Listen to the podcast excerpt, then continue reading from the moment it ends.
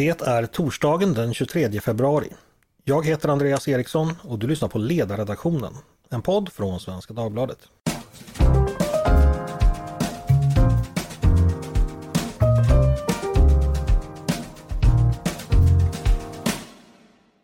Varmt välkomna! Vi fortsätter med det vi har gjort tidigare i podden den här veckan, nämligen att uppmärksamma årsdagen av den storskaliga ryska invasionen av Ukraina. Imorgon fredag är det ju på dagen precis ett år sedan den inleddes och vi alla vaknar upp i en ny och betydligt farligare värld. Eh, jag tänkte att vi idag skulle försöka ta ett litet kliv tillbaka och tänka på det år som har passerat och den tid som vi har hamnat i. Vad är det som vi har lärt oss under det här året? Vilka slutsatser kan vi dra av det? Vilka slutsatser kan vi inte dra av det än? Vad behöver vi som samhälle och land framöver göra för att så bra som möjligt ta oss igenom denna tid av ofred och oro och nya risker? Med mig för det att göra det har jag tagit hjälp av redaktionens egen Olof Ehrenkrona, eh, vår nästor när det gäller utrikes och säkerhetspolitik. Varmt välkommen hit Olof! Tack, tack! Du har ju både skrivit mycket om det här och följt nyheterna och andra källor under hela året. Eh, vi ska börja kronologiskt tänkte jag och eh, det är ju så när saker väl har skett så framstår alltid dess orsaker som självklara och eh, förspelet som givet. Eh, så är det ju inte när saker och ting händer. Jag och Oskar Jonsson pratade i tisdagens podd ganska mycket om att eh, det dröjde både i Sverige och på andra håll in i det längsta innan man kunde acceptera vad det var som höll på att ske. Eh, många tvivlade på att Ryssland verkligen skulle gå så här långt. Kanske av okunskap, kanske var det önsketänkande. Om vi går till dig själv Olof, när började du förstå eh, vad det var som var på gång egentligen? Minns du det?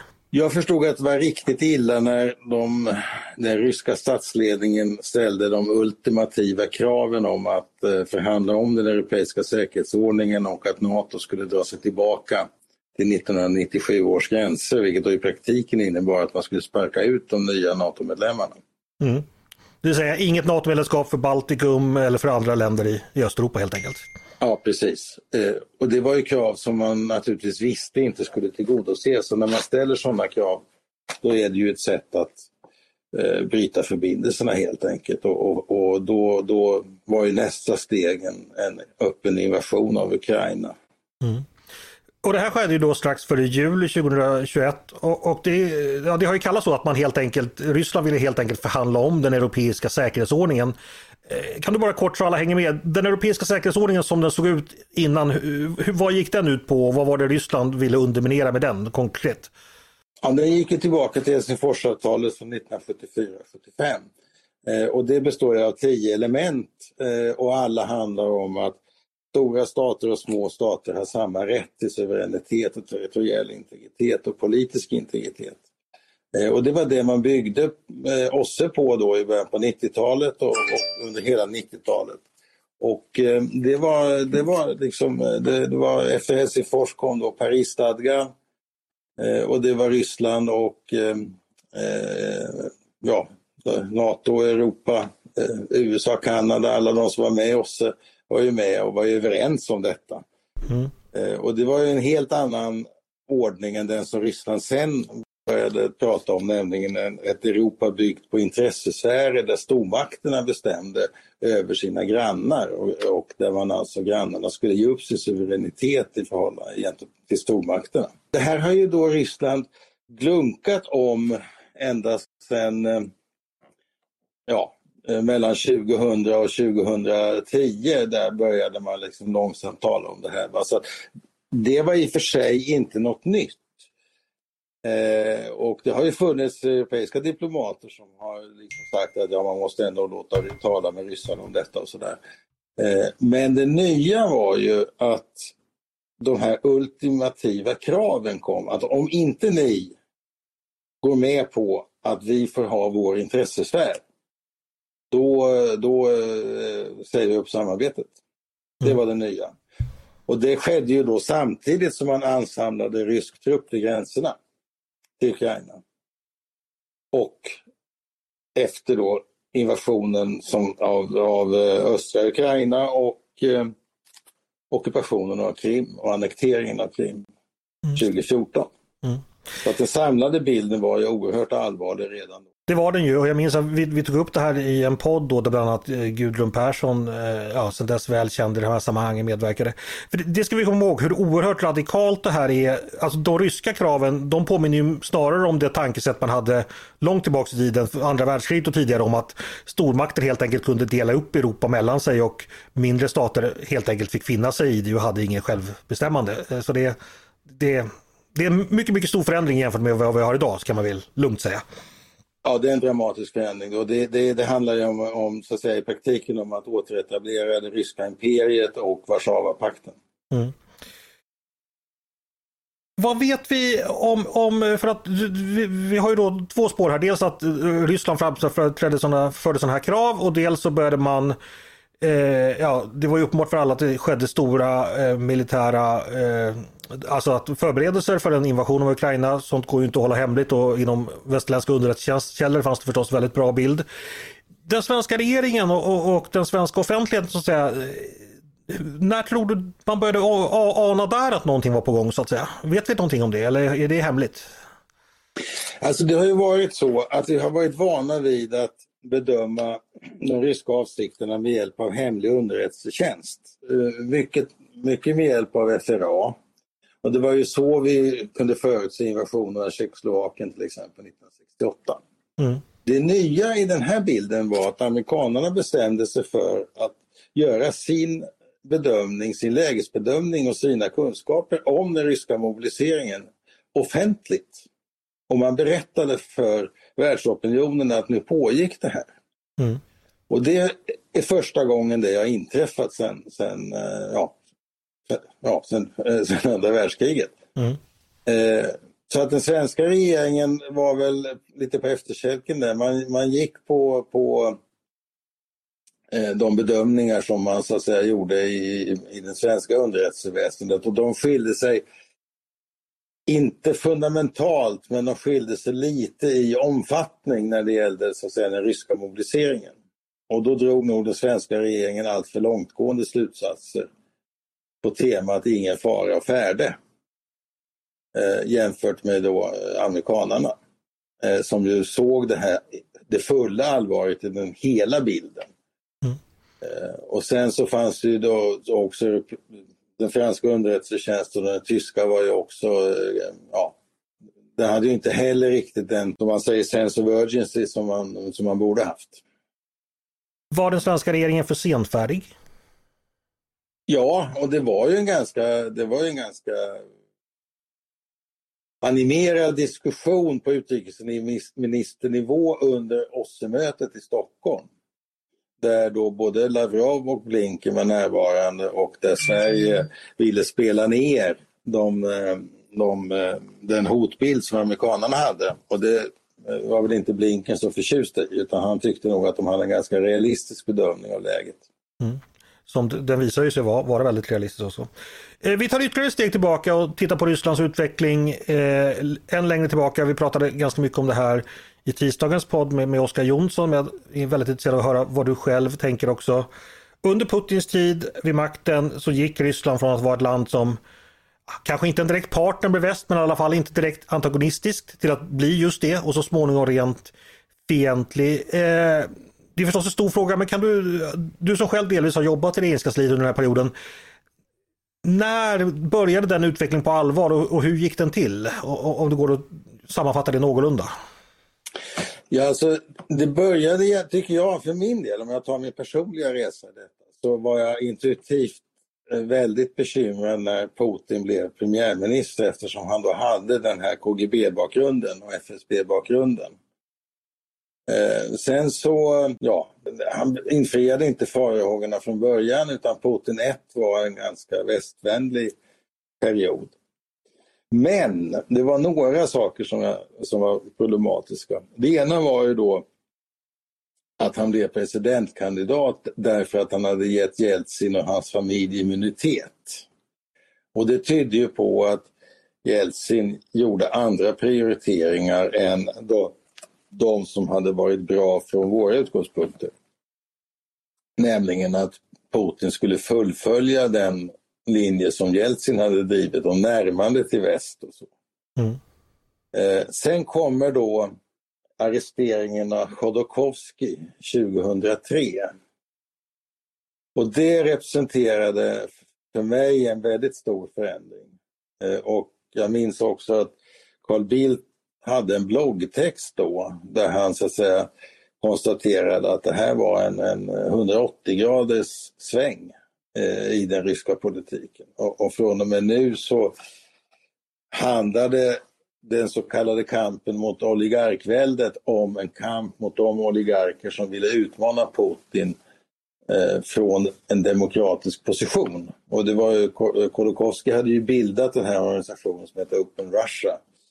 Eh, och han hade utmanat Putin på möten med, möten med, med oligarkerna. Eh, och när han då, Putin slog till och Kolokowski blev arresterad 2003 då visste man att, eller då kunde man ana att en ny, ny istid var på väg. Mm. Det. Så det var, det var liksom det, det, första och det var ändå ganska många som tyckte att det där var inte så konstigt. Det var klart att Putin måste ta itu med oligarkväldet och sådär. Men när man såg att Deripaska gick fri men Kolokowski var arresterad förstod man att det här var en, en selektiv eh, insats från Putins sida och att den hade andra syften. Sen tänker jag på, många av oss var väl den stora väckarklockan Georgienkriget 2008. Eh, kan du berätta, hur uppfattade du det? Det var ju under den tiden vi hade en borgerlig regering i Sverige. Hur, hur, hur resonerar man kring det, det då? Minns du det? Jo, eh, det kan jag mycket väl. Eh, för det första så hade vi haft då Eh, 2007 på det här stora säkerhetsmötet i München som uppmärksammas av alla utom svenska medier. Eh, där hade Putin hållit ett mycket aggressivt tal och i stort sett sagt upp bekantskap med, med väst. Eh, och sen hade vi den här situationen med Georgien där, där Saakashvili eh, med jämna mellanrum eh, larmade och sa det att det här är farligt för oss och ryssarna eh, förbereder någonting som inte är, är bra. Och 08, 08, 08 så kom då angreppet mot Georgien. Och eh, eh, det var under det franska ordförandeskapet så att Sarkozy gick in och skulle medla och det blev inte riktigt bra för att han blandade ihop texterna och, och, och, och avtalstexter och sånt så att det blev ja, ryssarna eh, fintade bort honom helt enkelt. Eh, så att vi fick då en situation där Ryssland hade med militära medel uppnått sina politiska mål med Georgien. Eh, och jag minns att jag kom, jag kom från Gustav Adolfs torg och stötte på dåvarande den som var dåvarande statssekreterare med ansvar för de frågorna i statsrådsberedningen, HG Westberg. Eh, och HG sa till mig att Ja du Olof, nu vet vi att Ryssland är beredd att sätta in trupp och militära och med militära medel vinna sina politiska mål och det, det är en signal som vi måste ta på allvar. Eh, och så var det. Eh, det, var, det var den underliggande stämningen som fanns. Tog Sverige det på allvar då? Tog den regeringen som satt det tillräckligt på allvar?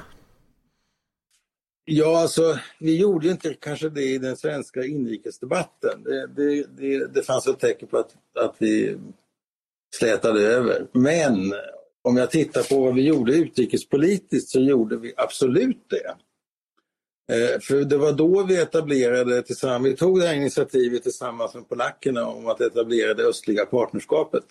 Och det östliga partnerskapet var ett, samarbets, eh, ett samarbetsforum för Vitryssland, Georgien, eh, Azerbajdzjan, Armenien och Ukraina. Sex länder. Mm, just det. Och syftet med det var att erbjuda en, en, ett fönster mot Europa. Att ge dem ett alternativt, en alternativ integrationsväg helt enkelt eh, gentemot EU. Och det var syftet och det kan man säga, det var, det var ett slags fadderskap eller ett slags skydd för deras eh, möjligheter att inte bara ha territoriell integritet utan faktiskt också en, en reell politisk integritet eh, i, all, över hela fältet.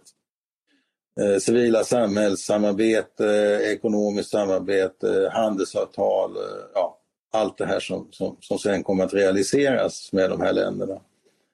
Eh, och eh, parallellt med detta försökte Putin etablera några slags ryska eh, motsvarigheter till, till EU-samarbetet. Och det, allting handlade ju då om att så att säga skapa ett utrymme för rysk dominans i närområdet och det kände ju alla stater så de var inte så intresserade av att, att, att parkera sig under det, det ryska parasollet utan det var ju östliga partnerskapet var ju för dem ett, ett, ett, sätt att säkra en väg ut mot friheten. Mm. Och det etablerade vi alltså 2008-2009. En fråga här Olle som jag är lite nyfiken på. Just åren mellan Ukraina-kriget, eller mellan Georgienkriget och då det första Ukraina-kriget. Då är det ju man ju från Washingtons sida, det är ju då exempelvis Obama går ut med det här att man ska, eh, vad heter det, resetta kallar man det, att man skulle ja. börja om lite från början. Under de åren, de känns ju ändå som formativa på något sätt, men jag tror inte alla riktigt känner till kan du säga någonting om det i relationen mellan Ryssland och väst i stort? Vad kännetecknade de åren? Var väst för dåliga på att markera eller vad var det som skedde då egentligen? Jag var med på en konferens i Washington som vi hade mellan EUs politiska planeringschefer och, eh, inom utrikesförvaltningarna och eh, motsvar, vår motsvarighet i Washington. Och Obama var ganska nyvald och då så eh, förklarade då Eh, min kollega i Washington eh, väldigt öppet vid en lunch att vi skulle vara helt på det klara med att Obamas prioriteringar såg annorlunda ut. Eh, reset, ja, men framför allt det som kallades för Pivot Asia, det vill säga att man skulle rikta om sitt intresse från Europa mot Asien. Och eh, det var ju från, mycket från amerikanska utgångspunkter fanns det en rationalitet i det eh, så tillvida att, att eh, konkurrensen med Kina tilltog och eh, man hade haft en ganska tuff konkurrens med Japan under 80-talet på elektroniksidan. Så att det fanns mycket som talade för att man måste ägna lite större intresse åt Stilla havsregionen. Och samtidigt så var ju, uppfattade man ändå Europa som ganska lugnt och det här kunde européerna själva hantera. Och man var ju omsorgsfull när det gällde att man drog tillbaka de konventionella stridskrafterna från, från de nya NATO-länderna. Så att, eh, successivt så blev ju de eh, amerikanska strids, konventionella stridskraft, stridskrafterna blev bara färre och färre och sen togs ansvaret över till stor del av europeiska, de europeiska länderna, europeiska NATO-länderna.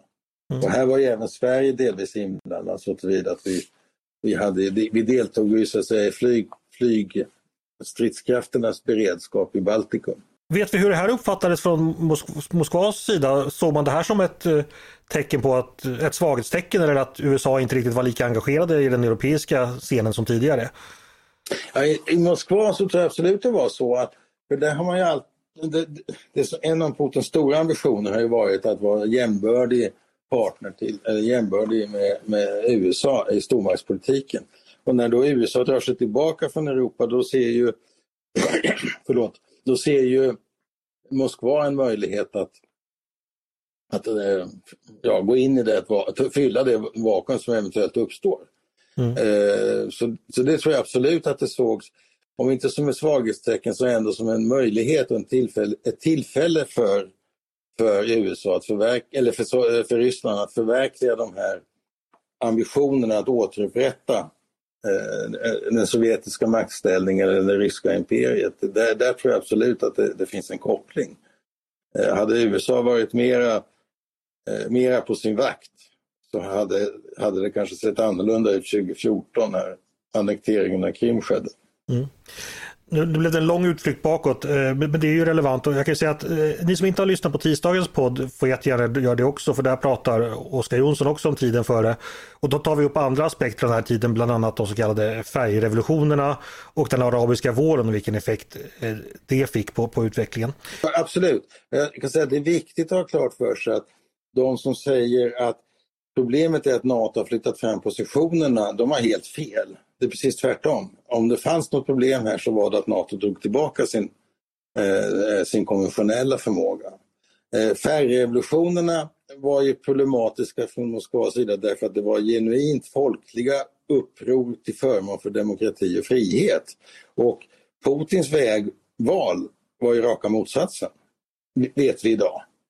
Minskad frihet, ingen demokrati. Jag ska sitta kvar i all evighet i makten. Det var ju så han, man ska inte glömma bort att han, han manipulerade ju konstitutionen och med hjälp av Medvedev kunde han ju sitta lång, eh, flera mandatperioder eh, utöver det som, från urs, som han ursprungligen kunde väljas på. Så att den här, den här föreställningen som Hersheimer har och, och andra, och Hirdman, de här, att det är NATOs framflyttning av positionerna som har varit problemet, så är det precis tvärtom. Det, mm. det, det, den möjlighet som man uppfattade i Kreml när USA visade ett svagare intresse för den europeiska säkerheten som har varit problemet. Om det har, och det, det är det vi lever med nu. Mm. Precis, och det ska ju sägas att i ett längre perspektiv också, om vi går tillbaka till 1900-talet, så är ju USAs närvaro i Europa en skugga av vad det en gång var när det gäller då eh, konventionella eh, trupper och stridskrafter. Det fanns ju mycket, mycket, mycket mer för. Eh, Absolut. Eh, en fråga här bara för Sveriges del. Eh, en sak som faktiskt uppgift som fick börja haja till lite i Oskar Jonssons bok, det var ju det här med att Sverige ökar inte försvarsutgifterna som andel av BNP, är viktigt att säga, alltså som som del av den totala ekonomin förrän då budgetåret 2019 och det är alltså då fem år efter eh, den första ryska invasionen av Ukraina. Varför var vi så otroligt sena med detta? Ja, det är en, en, en väldigt bra fråga. Alltså, eh, under alliansregeringens tid så räddade vi ett antal viktiga materielprojekt. Eh, Gripen och ubåtarna i första hand. Eh, så att föreställningen om det här, det stora nedrustningsbeslutet fattas ju kring 2000 under Göran Persson. Och sen så när det gäller då eh, antalet kronor och ören som satsas på det inhemska försvaret så rullar ju det på. Eh, men man ska ha klart för sig att långt innan alliansregeringens tid så hade vi ju gått ner till en värnpliktsrekrytering eh, som var på 5000 om året tror jag. När det var som lägst. Va? Och, men vi behöll spetskompetensen.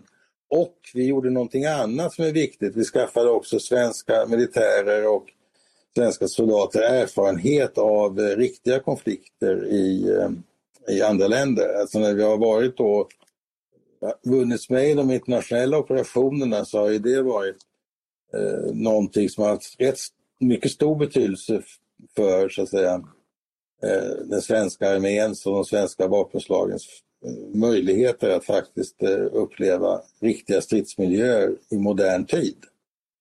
Om jag jämför med när jag gjorde värnplikten på 70-talet så, så då, då, var det liksom bara att vi, vi slog läger utanför Linköping och sådana saker. Det, var, det är inte det sämsta.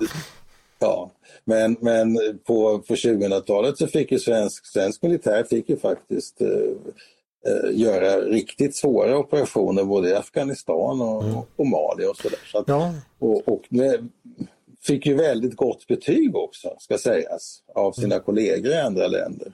Mm. Så att vi upprätthöll en, upprätthöll en teknologisk kompetens och vi skaffade oss en, en icke föraktlig erfarenhet av, av modern krigföring. Mm. Nej, det var väl inte främst den regering du jobbar för som jag tänker på utan den som kom 2014 att det ändå dröjde, eller för sig alla partierna var ju med om försvarsbesluten men det dröjde ändå till 2019 innan så att säga, det började stiga i, när det, i relation till BNP. Ja, som är ett viktigt mått. Ja, och det var ju att man, man, jag tycker inte man tog tillräckligt allvarligt på det som hände på Krim och eh, i, i östra Ukraina då, 2014. Men det, det gällde ju också det gällde också amerikanerna. Om, om vi backar bandet till 2014 så var det ju först annekteringen av Krim och så var det val i Ukraina och Poroshenko efterträdde Janukovyč. Mm. När Poroshenko efterträdde Janukovyč och, och det, jag intervjuade Poroshenko, i, det stod, jag hade en lång artikel om det i, på ledarsidan. Mm. Då började ju Ukraina på allvar att bygga upp sin armé. Det hade inte funnits någon armé Eh, eh, som kunde försvara Ukraina eh, i realiteten under Krim och, och, just, och 2014. Men Poroshenko började göra det och inledde samarbetet med väst och med USA och med Storbritannien. Och fick ju efter ganska stor tvekan ändå mycket stöd. Och inledde ju den upprustning som gjorde att man klarade 2022. Mm. Eh, det enda som Zelensky egentligen behövde göra det var att byta ut det högsta, den högsta militärledningen och det gjorde han ju 2021 redan.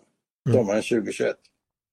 Så att 2022 fanns det en riktig ukrainsk en försvarsmakt som kunde ta fighten med ryssarna. Mm. Det fanns det inte 2014. Nej. Och det innebar ju också att det var ingen som trodde att man kunde stå emot Ryssland. I, I väst fanns det ingen som trodde att man kunde stå emot Ryssland. Och när då Ryssland gjorde den här spionkuppen som det var fråga om med Krim så var det lätt att, att, att, så att säga man, man trodde ju inte på vad Putin sa när han sa att det inte var någon rysk militär inblandat. Men man, man, det var lätt ändå att, att låta honom eh, komma undan med den lögnen. För Ukraina hade inget att sätta in riktigt i form av? Ukraina hade ingenting i praktiken att sätta in. Det var, det var ett under att, det, att de överhuvudtaget lyckades stoppa utvecklingen eh, i östra Ukraina.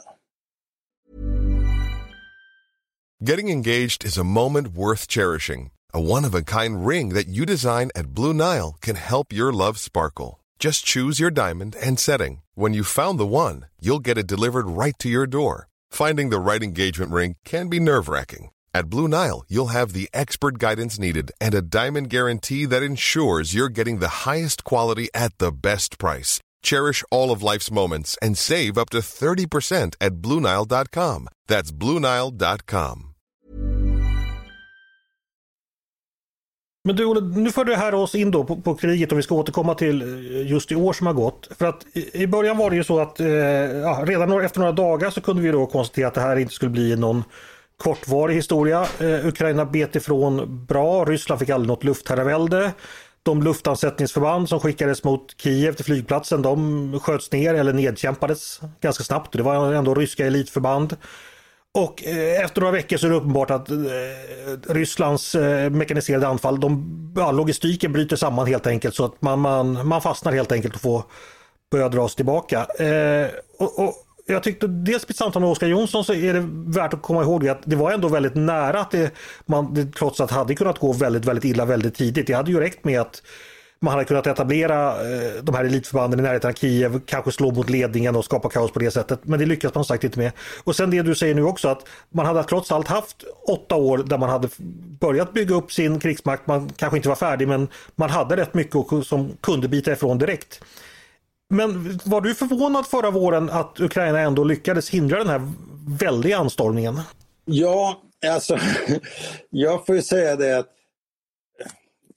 jag har ju haft förmånen att se den ryska utvecklingen både utifrån ett ekonomiskt, politiskt och ett militärt perspektiv.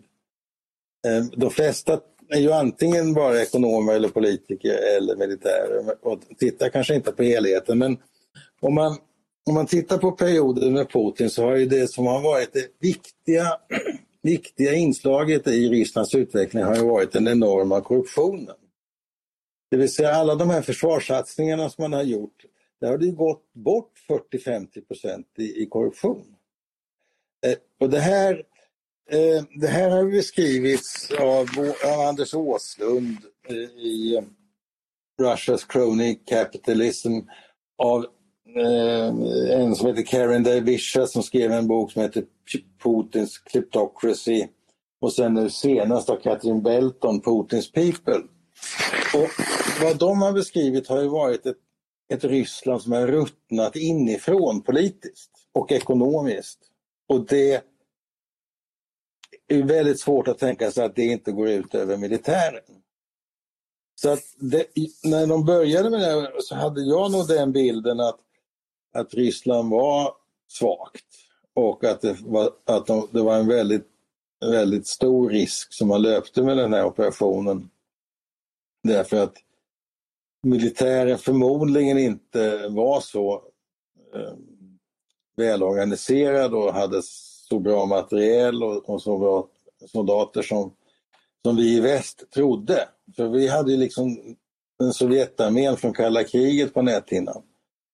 Eh, men det hade gått lång tid, både 90-talet och 20, mellan 2000 och 2010 visade på väldigt stora, stora hål. Så att jag delar Oskar Jonssons bild av att det kunde gått väldigt illa men det var två saker som jag tyckte var jätteviktiga. Det ena var att man lyckades inte behålla flygplatsen.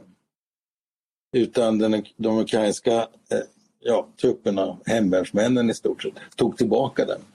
Och det andra var att man lyckades skjuta ner två stycken plan med, med luftlandsättningsförband. Så att redan de första dagarna så förlorade man en stor del av luftlandsättningskapaciteten.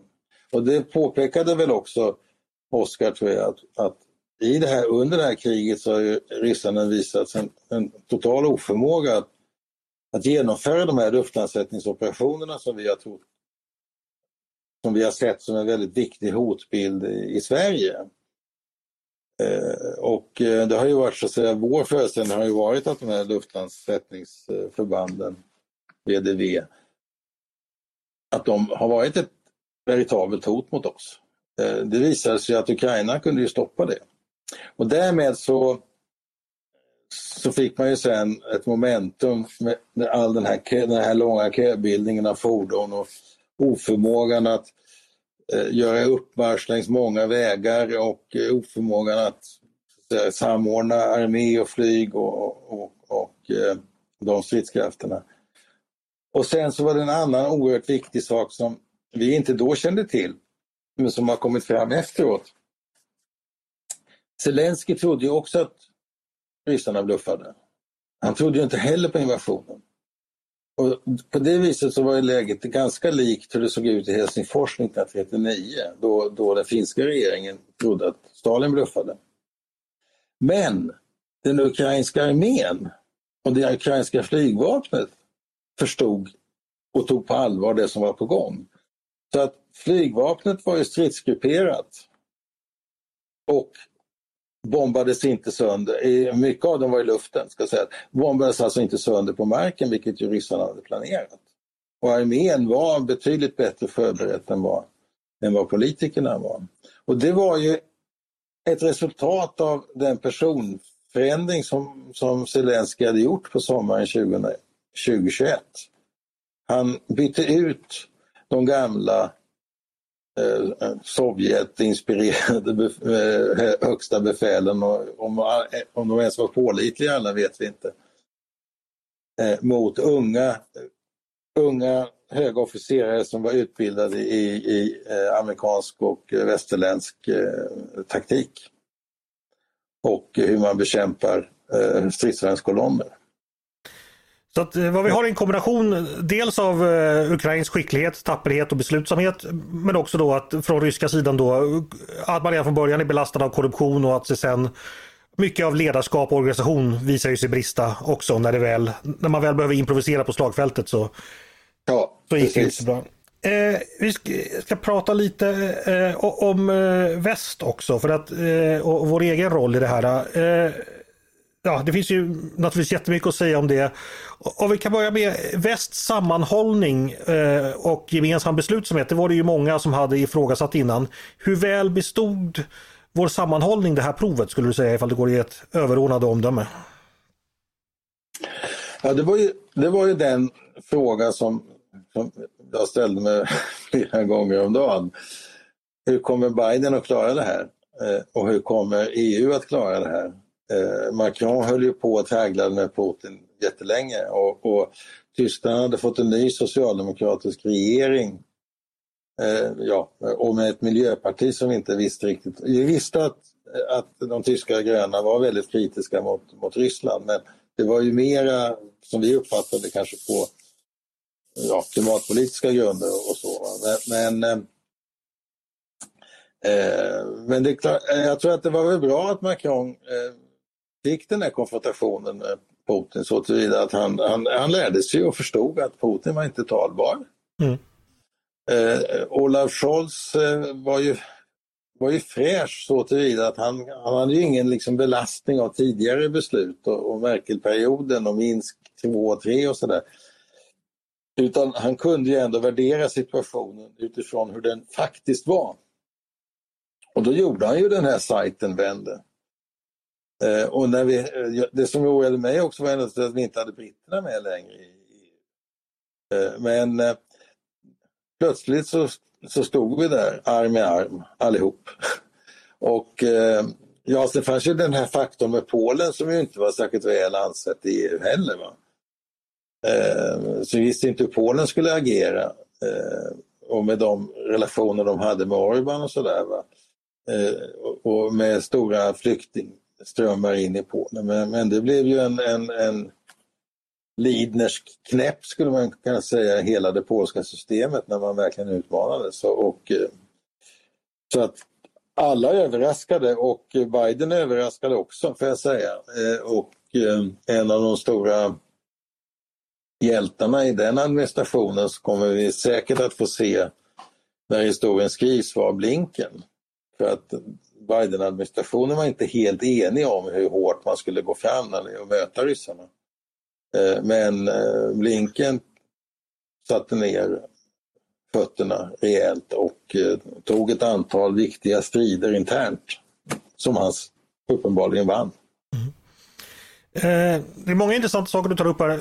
En sak du gärna kan få säga lite mer om. Du nämnde Polen. Jag tänker även på de baltiska staterna. Alltså länder i Östeuropa som tidigare har lydit under Moskvas ok och trampats under.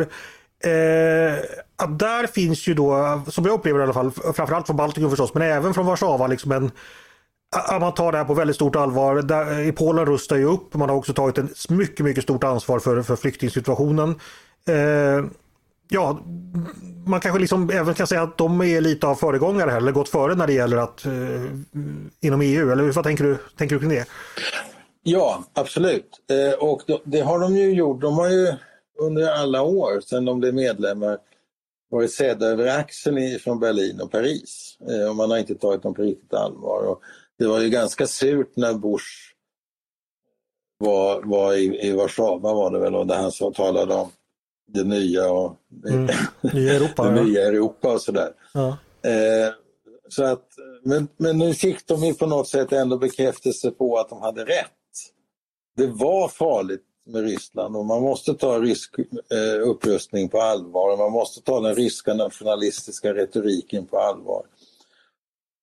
Och vi som har sysslat med Ryssland, vi har ju haft en, en, en uppfattning som har legat väldigt nära Gudrun Perssons eh, bedömning av rysk inrikespolitisk utveckling och seriositeten i, i den nya nationalismen i Ryssland och de nya, nya imperialistiska tongångarna.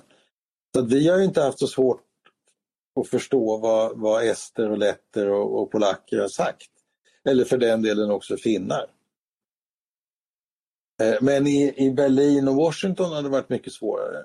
Eller inte Washington, men, men Berlin och Paris hade varit mycket svårare. Och det finns ju, det finns ju franska känslor för Ryssland som, som går långt tillbaka i tiden.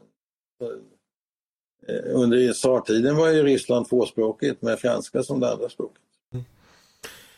Ja precis, jag tänker ju då historien spelar roll förstås för Paris med tanke på gamla allianser och så vidare. Men också i Berlin, för Tyskland, Tyskland är ju ändå en historia för sig förstås av uppenbara historiska skäl. Eh, ja, utan att det går för långt, men vad kan man säga om Zeitenwende och, och, och Scholz roll? Vi har tagit upp det flera gånger i podden tidigare. Har, har, har Berlin landat nu någonstans eller är det fortfarande så att man, att man våndas över detta? Alltså jag tror inte det kanske inte så mycket handlar om att våndas utan jag tror också att man från tysk sida har gjort bedömningen att tyska stridsvagnar och symboler i Ukraina underlättar för den ryska retoriken och den ryska propagandan att utmåla ukrainarna som, som nazister och sådär. Mm.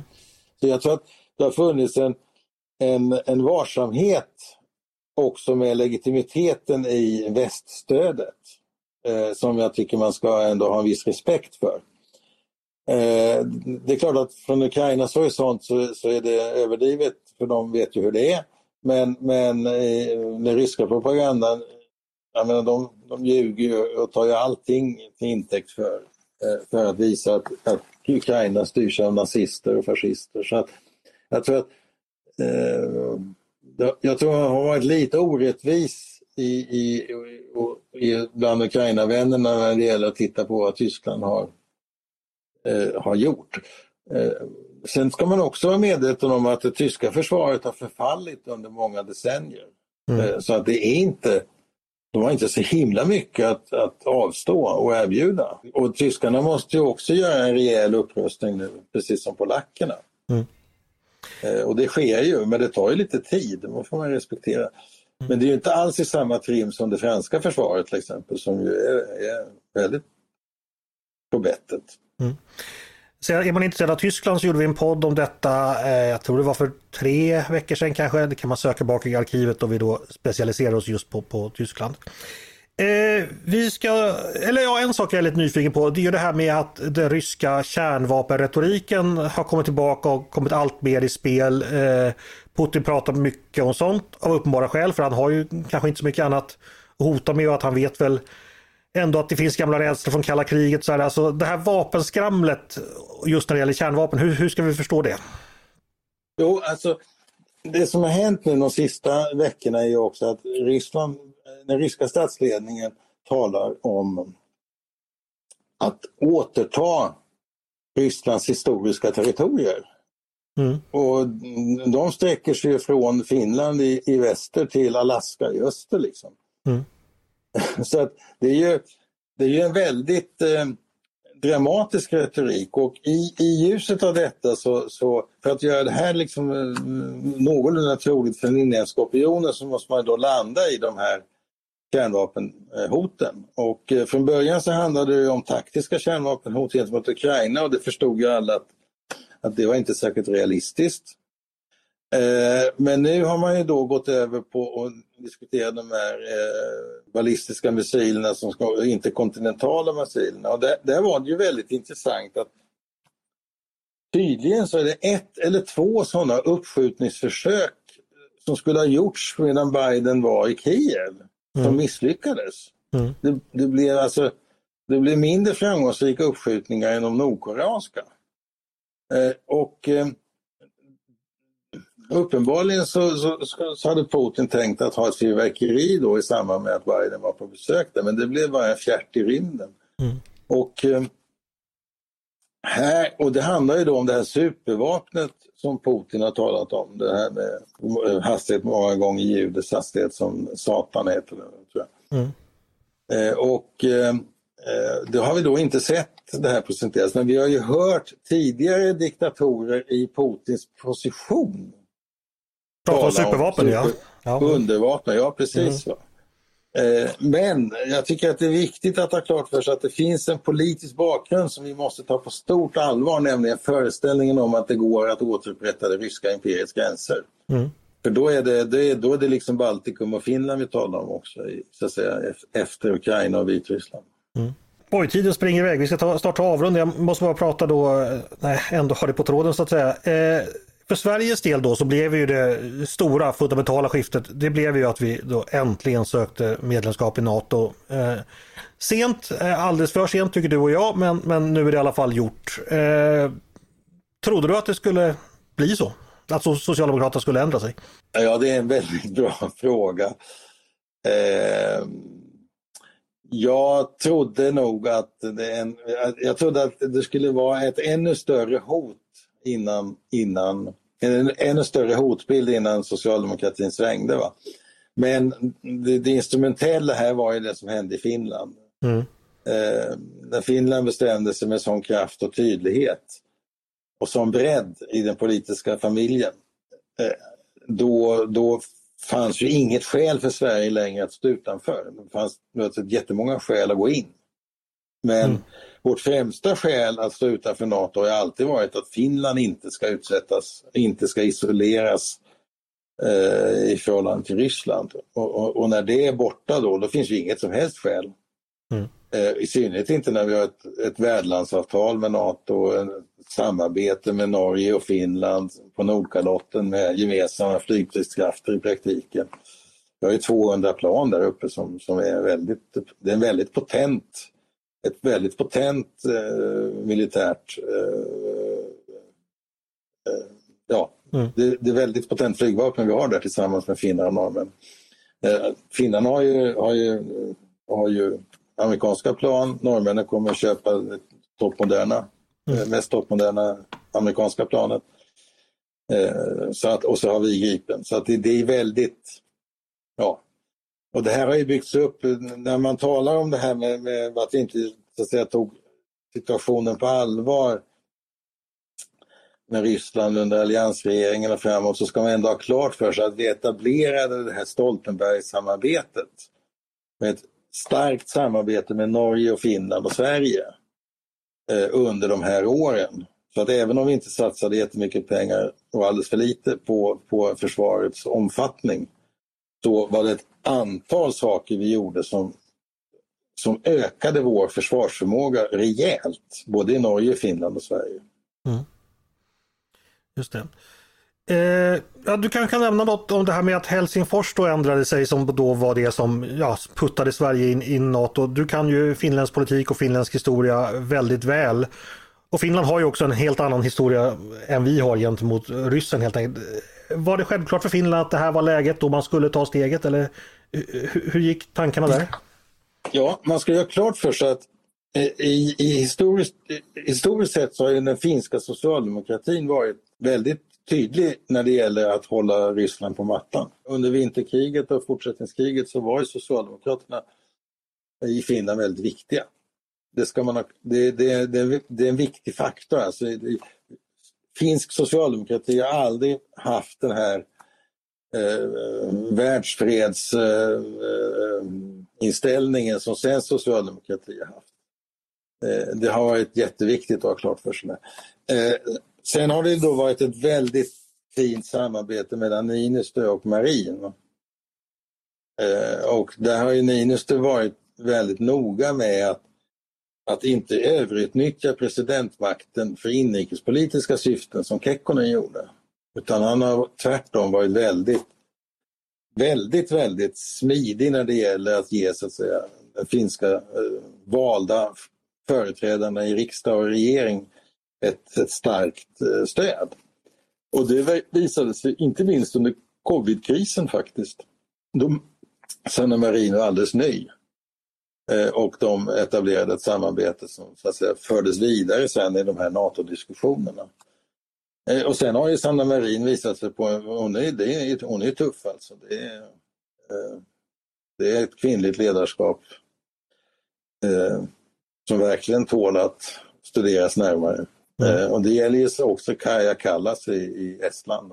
Så, så att det, det, är en aspekt på västsamarbetet här är ju faktiskt att ett antal kvinnliga politiska ledare som har trätt fram och tagit ledningen. Eh, von der Leyen i Bryssel också. Mm. Eh, ja, men om vi ska avrunda bara och eh, tänka lite på framtiden. Eh, vad bör statsministern och övriga regeringen, de som leder vårt land, tänka på framöver i den här oroliga tiden? Vad är det viktigaste? Att vi ger mycket hög prioritet åt att eh, docka in Sverige i NATO. Mm. Eh, att vi tar på stort ansvar eh, vårt gemensamma ansvar för det nordiska territoriet eh, i NATO-kontexten. Vi fyller ju ett hål när Sverige och Finland kommer. Ulf Kristersson har ju sagt att vi, ju, eh, vi bidrar ju till säkerheten väldigt mycket för mm. NATOs del.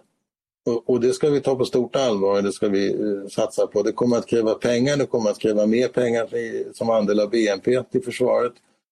Eh, men det kommer också att ge en väldigt, väldigt stark förbättrad försvarsförmåga i, för, för, oss alla. Och vi har också vi har ju komplementära försvarsmakter.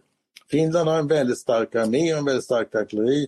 Sverige har ett väldigt fint flygvapen, vi har en väldigt fin flotta eh, i Östersjön. Eh, den bör utökas men, eh, men det som finns är bra. Eh, och Norge har ju sitt eh, Nordkalottenansvar som är betydande. Norge har ju också en gräns mot, mot Ryssland ska man tänka på. Eh, och eh, har ju stora intressen i Arktis mm. och i Spetsbergen. Just det. Så att eh, Norge är också en viktig faktor i detta. Och sen gäller det ju att få in Danmark också i samarbetet på, med eh, fulla segel. För danskarna sitter ju på de viktiga förbindelserna ut i Atlanten. Mm. Och eh, det, ja, och Bornholm inte minst, som ju är en del av den här öarna, Bornholm, Gotland och Åland. Som ju för rysk, för en rysk horisont är en slags försvarslinje. Mm. Eh, en sista fråga. I Ukraina, så, i kriget, så har ju då Ryssland inlett någon form av offensiv, sägs, säger vissa, många säger det i alla fall. Eh, vad förväntar du dig om krigets utveckling den närmaste tiden? Vad tror du vi kommer få se? Men jag hörde vad Oskar sa, jag tycker han har helt rätt i det, att det är många småoffensiver. Det är väl fyra eller fem. Mm. Och då, det innebär att de upprepar det misstaget de gjorde eh, i krigets inledningsskede. Eh, att de, de eh, lyckades inte kraftsamla. Eh, och eh, eh, ja, det är väl, talar ju för att Ukraina har ganska goda möjligheter. Dels att stå emot det som nu pågår men också att vända det i en motoffensiv när vädret blir bättre och markerna, markerna stabila. en sak som vi inte har sagt som jag ändå tycker är viktigt att framhålla det är det att det som har varit typiskt för kriget har varit Putins inblandning.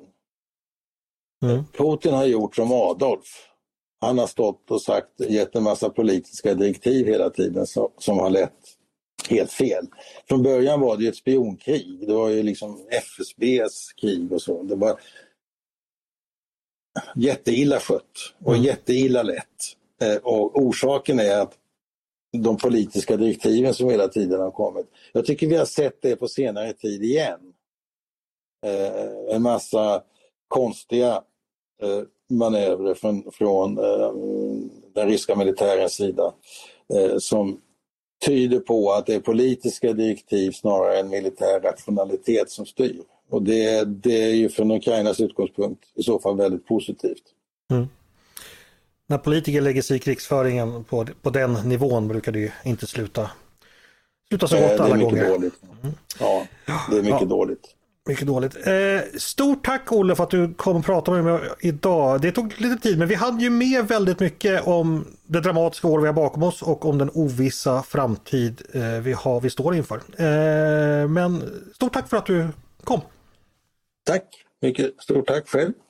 Och stort tack till er som har lyssnat också på oss. Eh, jag hoppas att ni tyckte det var intressant. Eh, och det ni har lyssnat på det är förstås Ledarredaktionen.